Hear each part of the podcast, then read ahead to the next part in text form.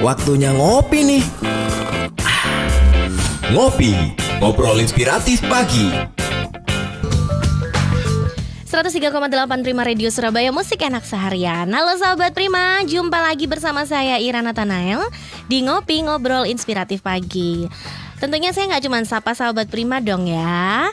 Apa kabar nih rekan Ro FM yang ada di Padang Sidempuan Sumatera Utara dan juga sahabat Tri yang ada di Tri FM Kota Pinang.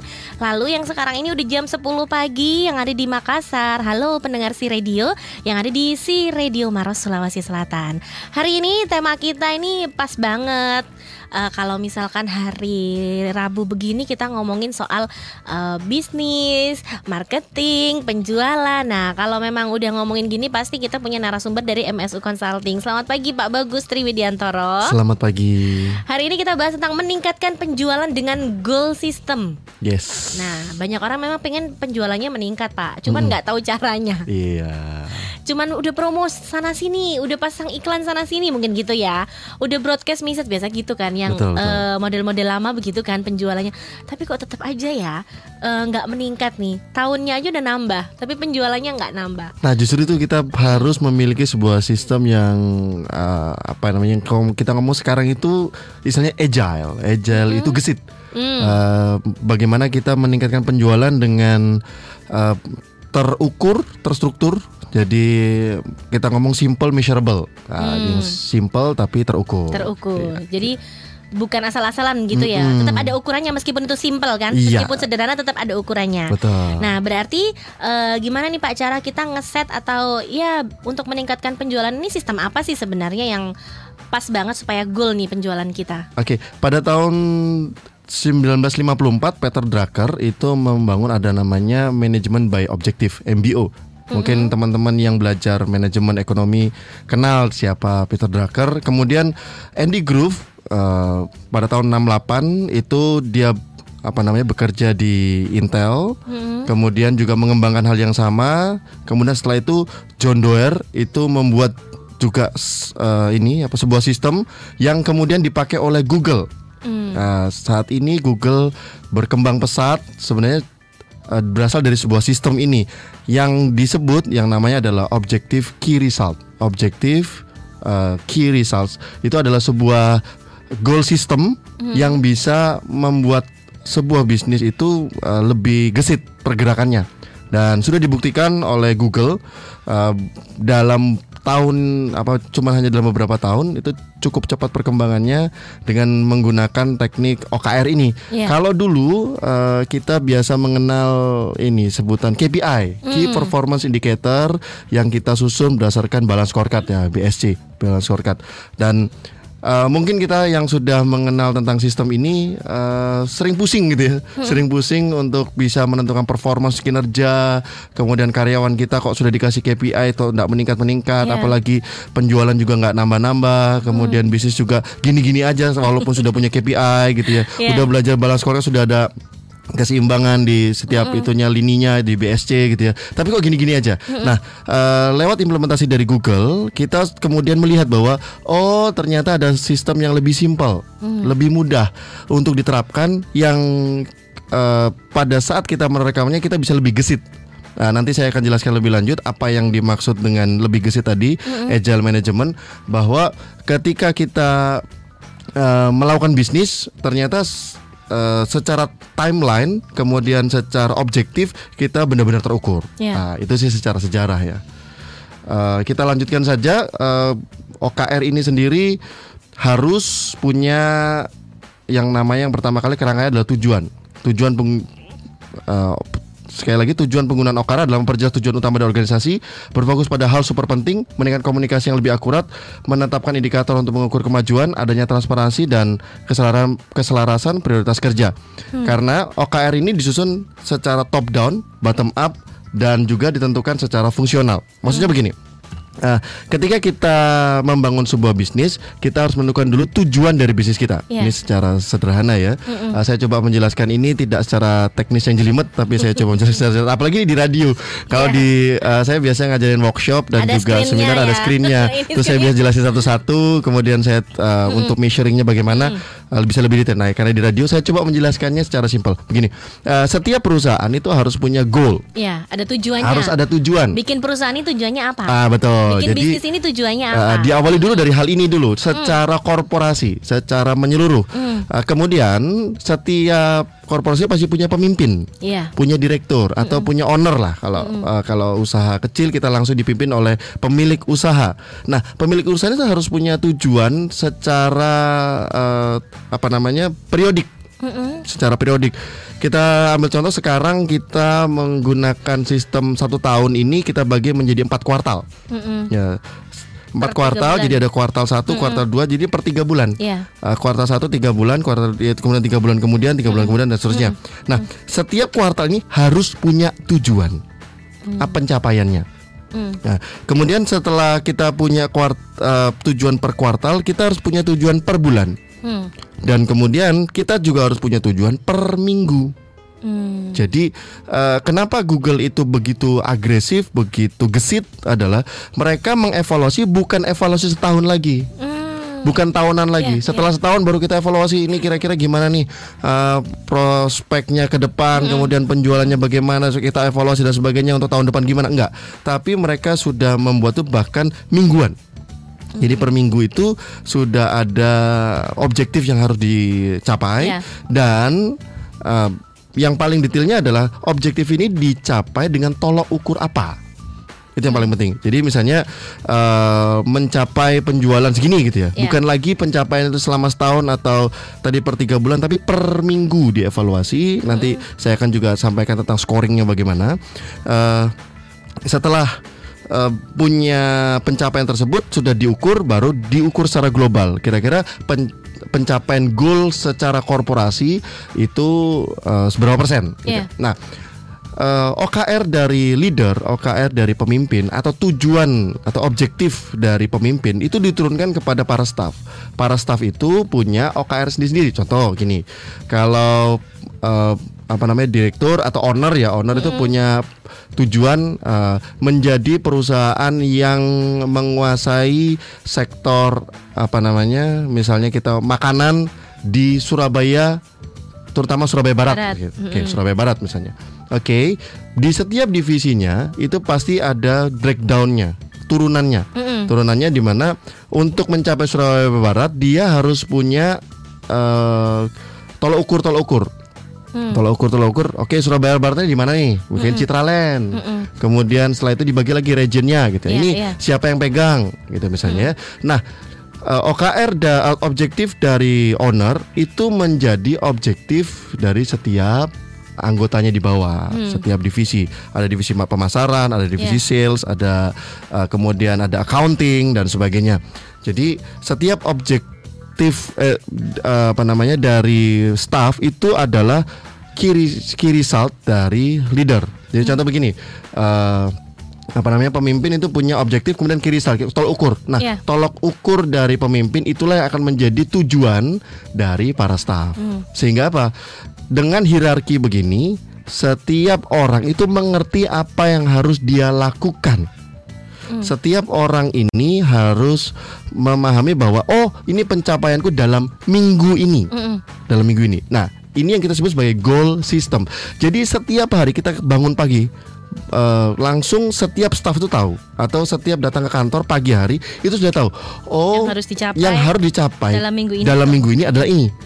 Dan berarti peran penting utama itu sebenarnya ada di pimpinan paling atas. Hmm. Bagaimana dia men-setting goal sistemnya ini harus benar-benar clear, Hmm. harus benar-benar jelas, bisa diturunkan sampai ke bawah, terutama bagi para apa eh, yang yang duduk di posisi itu, yang di bawahnya dia ini benar-benar tahu tolok ukur saya minggu ini tuh apa. Ya. Nah ini harus secara detail. Ini yang menyebabkan perusahaan bahkan sebesar Google. Jadi ini kalau ngomong "Oh, itu kan buat perusahaan apa? Perusahaan besar atau kecil atau menengah? Semuanya bisa.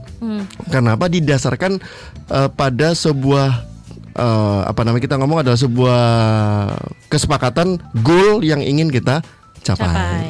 Jadi di breakdown per divisi itu kita breakdown goalnya masing-masing dan ini dievaluasi berkala. Dan berkalanya itu bukan bukan berkala yang panjang tapi pendek banget.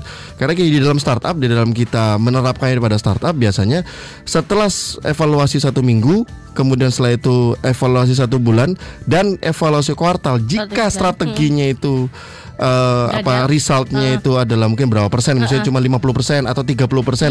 Kita harus bergerak gesit yaitu mengubah atau kita sebut sebagai pivot ya. Mengubah strategi untuk kita di kuartal berikutnya jadi lebih baik.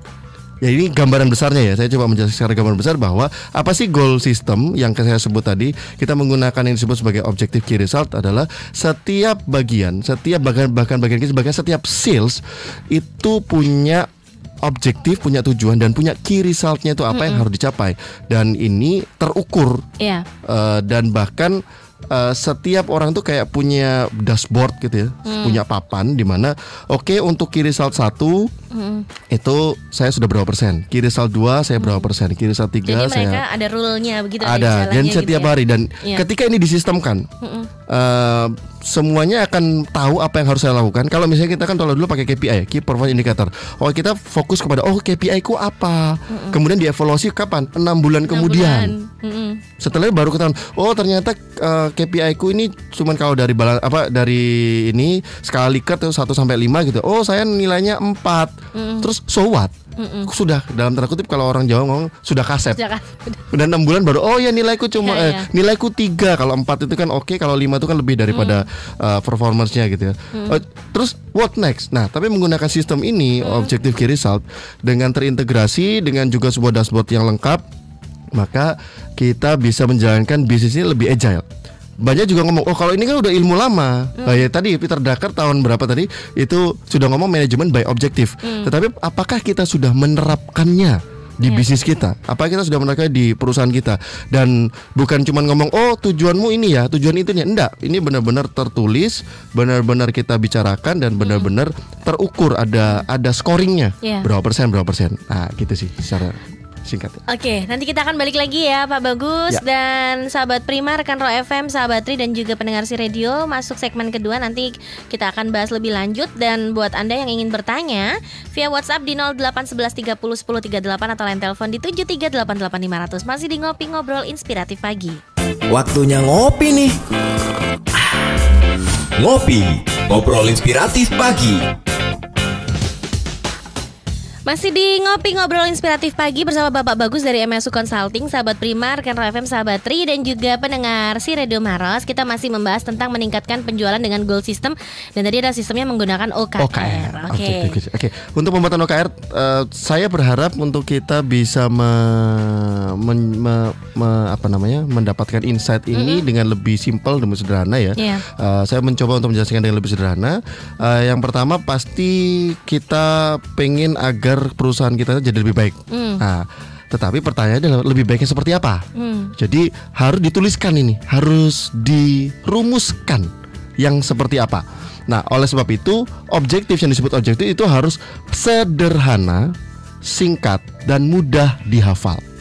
Sederhana, singkat Sederhana, dan mudah singkat dihafal. dan mudah dihafal. Jika Anda harus berhenti bernafas saat membaca tujuan Anda, berarti Anda salah melakukannya. Jadi harus simpel.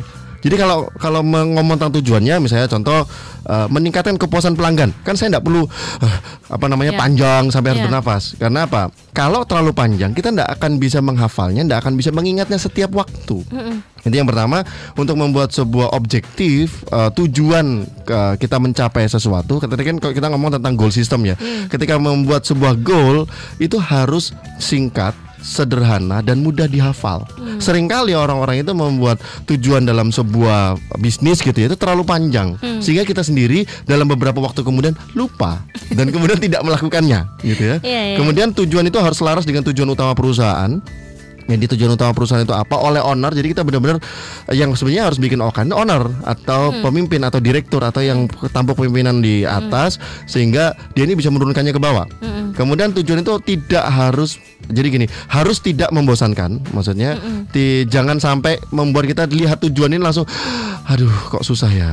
Oh, kok membosankan ya. Enggak, tapi benar-benar uh, sesuai dengan budaya organisasi kita yang kita bangun yang juga selaras gitu dengan perusahaan dan uh, gini loh, seperti kita ini memiliki perusahaan kita sendiri. Hmm. Nah, sebagai contoh tadi ya, tujuan kita adalah meningkatkan kepuasan pelanggan.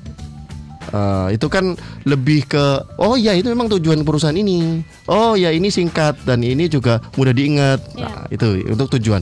Kemudian kalau disebut dengan objektif and key result. Key result itu apa? Key result itu adalah tolok ukur pencapaian tujuan. Jadi ini harus spesifik di setiap lini dari atas sampai di bawah. Divisi pemasaran, divisi penjualan, divisi apa namanya market eh sorry, divisi accounting, divisi dan sebagainya itu harus punya OKR-nya. Nah, kiri harus punya tolok ukurnya. Untuk key result, pisahkan antara key result dengan action. Jadi gini, key result itu adalah satu tolok ukur. mm, apa namanya misalnya gini, meningkatkan kepuasan pelanggan. Terus key resultnya adalah eh, saya ingin membuat website yang apa namanya yang mudah untuk diakses gitu. Itu namanya action. Jadi key result itu bukan sebuah apa namanya kata kerja yang eh, kayak task list. Sekali lagi result itu bukan kayak task list kayak apa namanya? Daftar Daftar eh, daftar kegiatan, kegiatan bukan. Aja. tapi adalah tolok ukur pencapaian tujuan. Kemudian setiap objektif itu hanya cukup hanya 2 sampai 5 key result jadi jangan banyak-banyak. Hmm. jadi tolok ukurnya ya jangan kalau gitu untuk mencapai satu buah objektif kita tolok ukurnya ada 10 gitu ya. Lupa pasti. Jadi pasti akan sulit untuk dilakukan.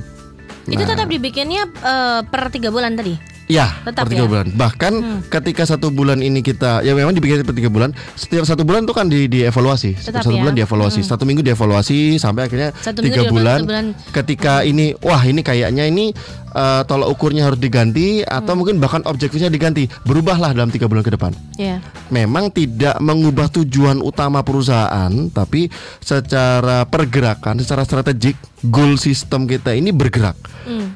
Bergerak maju. Jadi kalau memang ada yang tidak mencapai target, ganti aja targetnya.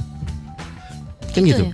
Jadi misalnya, oke, ketika kita mencapai 1000 pelanggan misalnya, Ya. eh, 1000 pelanggan, tetapi ternyata pencapaiannya 30%, ya diganti aja jangan jangan Iya. dibuat rumit gitu ya. Oke. Kemudian eh, yang pasti yang perlu kita ingat ada namanya smart. Smart itu disebut sebagai yang pertama spesifik. Jadi kita harus membuatnya secara spesifik. Kemudian yang kedua itu measurable bisa diukur. Kemudian A itu achievable bisa dijangkau. Mm-mm. Jadi jangan membuat misalnya key resultnya adalah saya ingin dalam eh, bukan saya ingin ya apa eh, tolak ukurnya adalah dalam satu bulan pelanggan kita sudah satu juta gitu. Wah itu eh, not achievable. Terlalu juga enggak Terlalu ini juga ya. ya, terus terlalu tinggi. Kemudian relevan, relevan itu sesuai dengan job function kita dan kemudian time bound. Time bound itu uh, bisa spesifik dalam time frame tertentu. Jadi misalnya kita realistis aja, misalnya dalam satu tahun kemungkinan pelanggan yang akan kita dapatkan adalah 10.000 misalnya ya 10.000 pelanggan kecil banget sih tapi nggak apa-apa kita contohnya aja 10.000 kemudian berarti kita akan bagi dalam per bulan target pelanggan saya adalah 10.000 bagi 12 Hmm. Misalnya berapa? Misalnya kita oke seribu aja deh seribu per bulan Kalau gitu per minggu berapa nih? Hmm. Sehingga apa kita punya tolok ukur bahwa Oke kalau begitu dalam satu minggu Saya harus minim itu ada 250 sampai 500 pelanggan Hmm. Akhirnya pada saat tiga bulan kita evaluasi Ternyata kita sudah mencapai eh, 3000 Wah berarti kan sudah memungkinkan untuk sampai nanti 10.000 di akhir tahun. Iya. Nah, inilah yang kenapa saya sebut ketika kita benar-benar menggunakan goal system yang tepat, maka pastinya akan berdampak kepada apa pun juga yang kita lakukan dalam perusahaan termasuk di dalamnya adalah penjualan. Nanti pada segmen berikutnya saya akan ngomong tentang khusus di bagian penjualannya. Kalau tadi kan secara global, terutama di apa namanya secara perusahaan dan juga per divisi karena setiap divisi itu pasti punya OKR sendiri-sendiri. Setiap direktur eh, bagian atau Hmm. manajer ya setiap manajer itu punya OKR sendiri.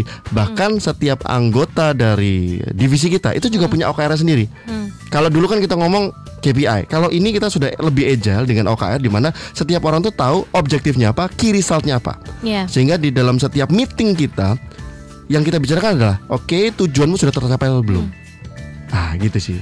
Oke, ini ada pertanyaan nih via WhatsApp ini Oke. dari Bapak Ari Prabowo.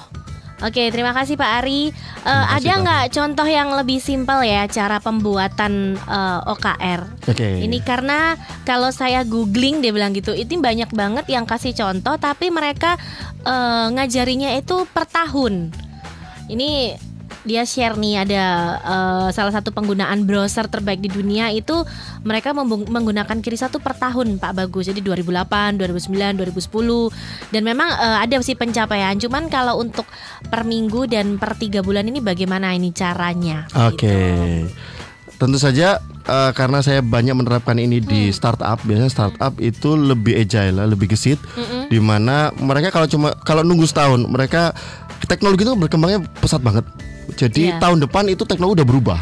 Ya. Bahkan eh, ada teknologi baru yang muncul, sehingga kalau kita membuat pencapaian itu satu tahun, kita sudah ketinggalan dengan pergerakan teknologi yang begitu cepat. Tapi memang lebih ribet ya Pak kalau Hmm. lebih ribet nggak sih sebenarnya kalau kita bikin OKR-nya per eh, tiga bulan itu tadi? lebih tepatnya begini, kita akan bisa bergerak lebih gesit. Bukan masalah ribetnya sih, ribet apa enggak itu kan Eh, relatif tergantung banget orangnya gitu ya. Tergantung orangnya. Kalau orangnya Tapi males mungkin ribet ya bilangnya ya. kita lebih gesit di mana eh, setiap eh, setiap bagian dari kita benar-benar berfungsi maksimal. Hmm. Nggak ada lagi misalnya lagi duduk-duduk terus ngapain gitu ya. Iya, Ditanyain aja OKR udah capek belum? Iya iya gitu ya. iya iya. Eh, kiri satu jelas karena berdasarkan persentase ada dashboard satu dashboard yang di mana kita bisa lihat secara progresif Hmm. bahkan di apa namanya tempo pimpinan yang paling atas itu bisa melihat seluruh OKR Hmm. dari masing-masing personilnya gitu ya misalnya ke pergerakannya penjualan ini sudah pencapaian tolok ukur yang yang sudah ditetapkan ini berapa persen Hmm. sehingga apa ketika meeting tiga bulan itu kita bisa ngomong oke apakah kita salah sasaran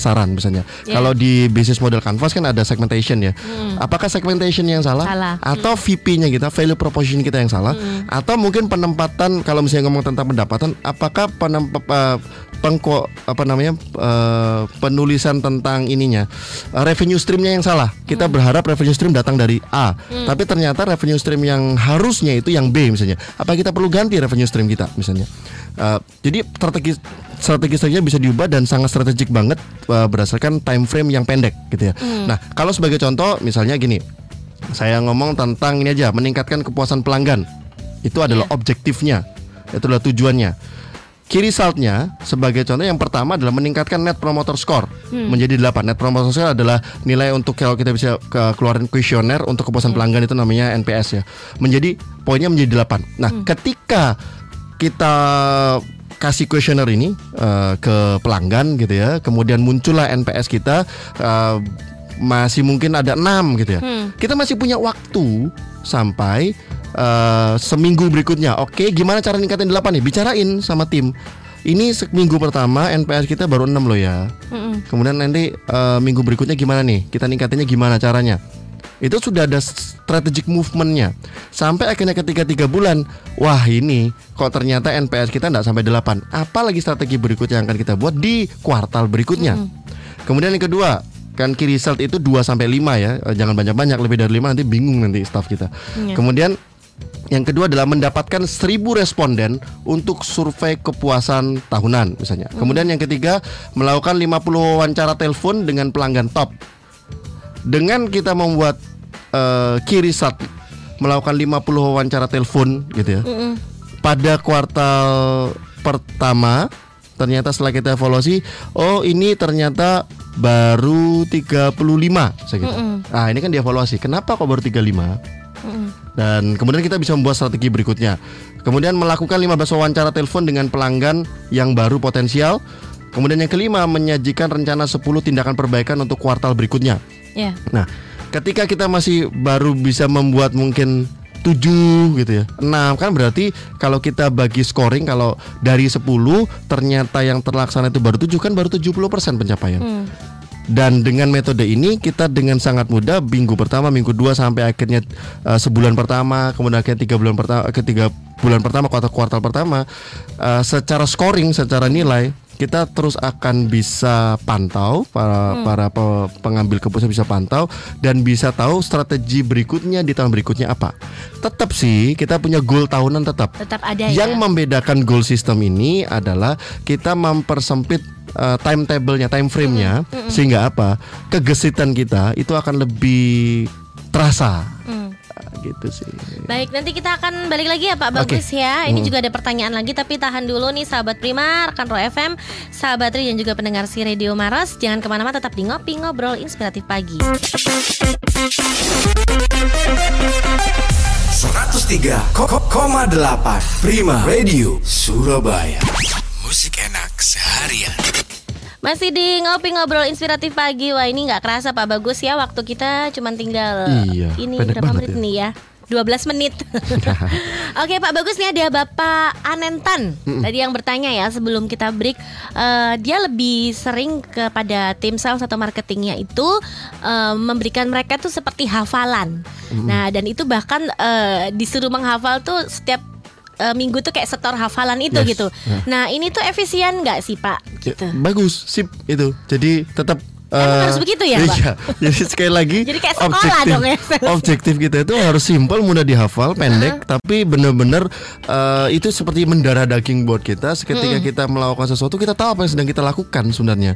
Itu yang se- disebut saya goal system, bahwa kita bergerak itu dengan tujuan. Sekali lagi jangan melakukan sesuatu yang tanpa tujuan. Tapi begini Pak, ini saya paham ya Oke. yang Pak Anen pikirkan mungkin begini. Ini mungkin bagi yang para owner atau direktur mungkin oh ya ini kan perlu. Iya. Tapi kan mungkin itu bagi sales atau marketing itu hal yang sesuatu yang mungkin ngapain sih ini bosku pimpinanku kok nyuruh begini. Nah, just- Atau perlu perlu juga ngasih info mereka tentang OKR. Iya betul. Justru di situlah eh, ya mereka harus tahu tujuan kenapa menghafal. Kan sekali lagi kita bergerak selalu berdasarkan tujuan kan goal systemnya. Oh. Iya, iya. Eh, mereka juga harus dijelaskan kenapa sih kamu Harus menghafal. ini. Heeh. Nah itu juga mereka harus paham mengerti bahwa dengan inisiatif mereka sendiri mereka akhirnya mau menghafal bukan karena dipasain untuk Iya, menghafal. iya, iya. Karena ketika kita bisa menghafal itu dengan baik, maka kita juga bisa mengerjakan itu dengan baik. Hmm. Karena kalau kita mengerjakan sesuatu terus lepas dari tujuan, ah, tambah repot lagi nanti, Iya, tambah ke mana-mana gitu ya.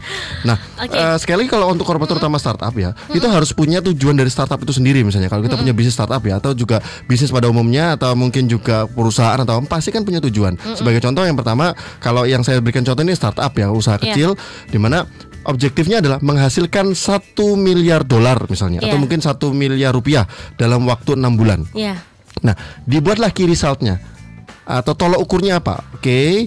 Ya, untuk bisa mendapatkan 6 bulan, key result yang pertama adalah berhasil mendapatkan funding dari 6 investor. Nah, rata-rata memang startup itu kan berasal dari funding, dari pendanaannya dari funding. Untuk bisa satu itu satu M dari mana nih? Oke, kita sebut 6 investor.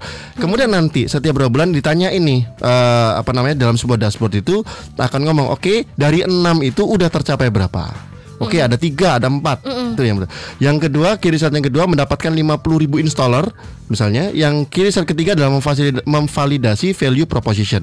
Nah sebagai startup maka eh, key result satu itu harus dikerjakan oleh seorang yang namanya CEO. Jadi sekali lagi ini objektif OKR-nya adalah OKR perusahaan korporasi. Iya. KR1 atau kiri satu itu siapa yang ngerjain? KR1 yang ngerjain adalah CEO. KR2 itu siapa? KR2 yang ngerjain adalah marketing manager dan KR3 yang ngerjain adalah product product manager. Jadi eh, kita harus membuat OKR-nya korporasi. Kalau dia punya 3 KR, KR1 itu dipegang oleh siapa? KR2 dipegang oleh siapa? KR3 dipegang oleh siapa? Iya. Sebagai contoh KR1 dipegang oleh CEO, berhasil mendapatkan funding dari 6 investor. Hmm. Untuk objektif ini yang merupakan key result dari korporasi, dia harus punya key result, harus punya tolak ukur sendiri. Gitu ya. Eh, untuk mendap- berhasil mendapatkan funding dari 6 investor, KR1 yaitu mengunjungi 20 pitching event. Jadi kalau kita mau dapatin funding biasanya kita presentasi atau biasanya kita eh, pitching kalau kita sebut ya. Kemudian KR yang kedua adalah diperkenalkan kepada 30 investor. KR yang ketiga adalah melamar pada 20 jaringan bisnis angel, angel investor gitu ya. Nah, setiap eh, pencapaian KR ini secara berkala itu ada persentasenya. Oke, dari 30 investor yang eh, apa namanya? yang dalam pemikiran kita kita bisa diperkenalkan pada 30 investor ini, Iya. ternyata sudah berapa nih? Oh, baru 10. Berarti pencapaian kita baru 30%. Terus baru ada strategi berikutnya, gimana cara mendapatkannya? Nah, itu marketing manager nih tadi ya, berkaitan sama uh, meningkatkan penjualan. Mendapatkan 50.000 ribu installer, uh, KR satunya apa? Misalnya contoh untuk brand awareness diliput oleh 20 media. Kalau sampai tiga bulan belum sampai 20, cari cara supaya bisa sampai 20 sehingga apa pergerakan kita itu by objectives atau uh, by goal gitu ya. Kemudian meluncurkan tiga campaign media sosial yaitu Instagram, Facebook dan YouTube. Yang sekarang udah sampai di mana? Oke Pak, Ya, baru Instagram. Oke Pak, baru Facebook. Terus uh, YouTube-nya kapan? Nah, jadi kita ini punya uh, objektif yang harus dicapai. Setelah itu product manager. Ini paling penting juga karena kita mengiklankan sesuatu, kita menjual sesuatu tapi ternyata produk kita juga jelek juga susah gitu. Makanya perlu divalidasi value proposition dari setiap produk kita. Itu tujuan uh, itu menjadi key resultnya perusahaan tapi menjadi objektif dari seorang product manager namanya. Nah, nanti product manager untuk objektif ini memfasilitasi value proposition itu juga punya KR-nya sendiri. Nah, terus nanti turun terus ke bawah. KR-nya product manager, KR satunya itu pasti diberikan kepada staff dari product manager yang pertama. Hmm. Jadi structured banget. Dan sebenarnya setiap minggu, setiap bulan, kemudian setiap kuartal ini dievaluasi dan memang kan harus ada yang bikin. Iya. Hmm. Yang bikin siapa? Sebenarnya adalah para manajer itu sendiri. Sebenarnya adalah direkturnya sendiri yang kita buat. eh, jadi seperti gini, kita membuat goal buat diri kita sendiri.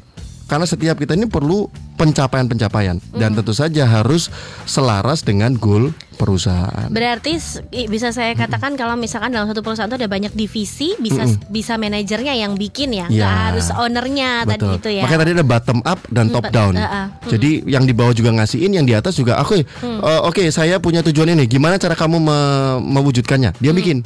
Ya. Nah beda banget kalau misalnya kita ngomong tentang balance scorecard dan sebagainya ini kan Hmm. ada proses panjang yang harus kita lalui.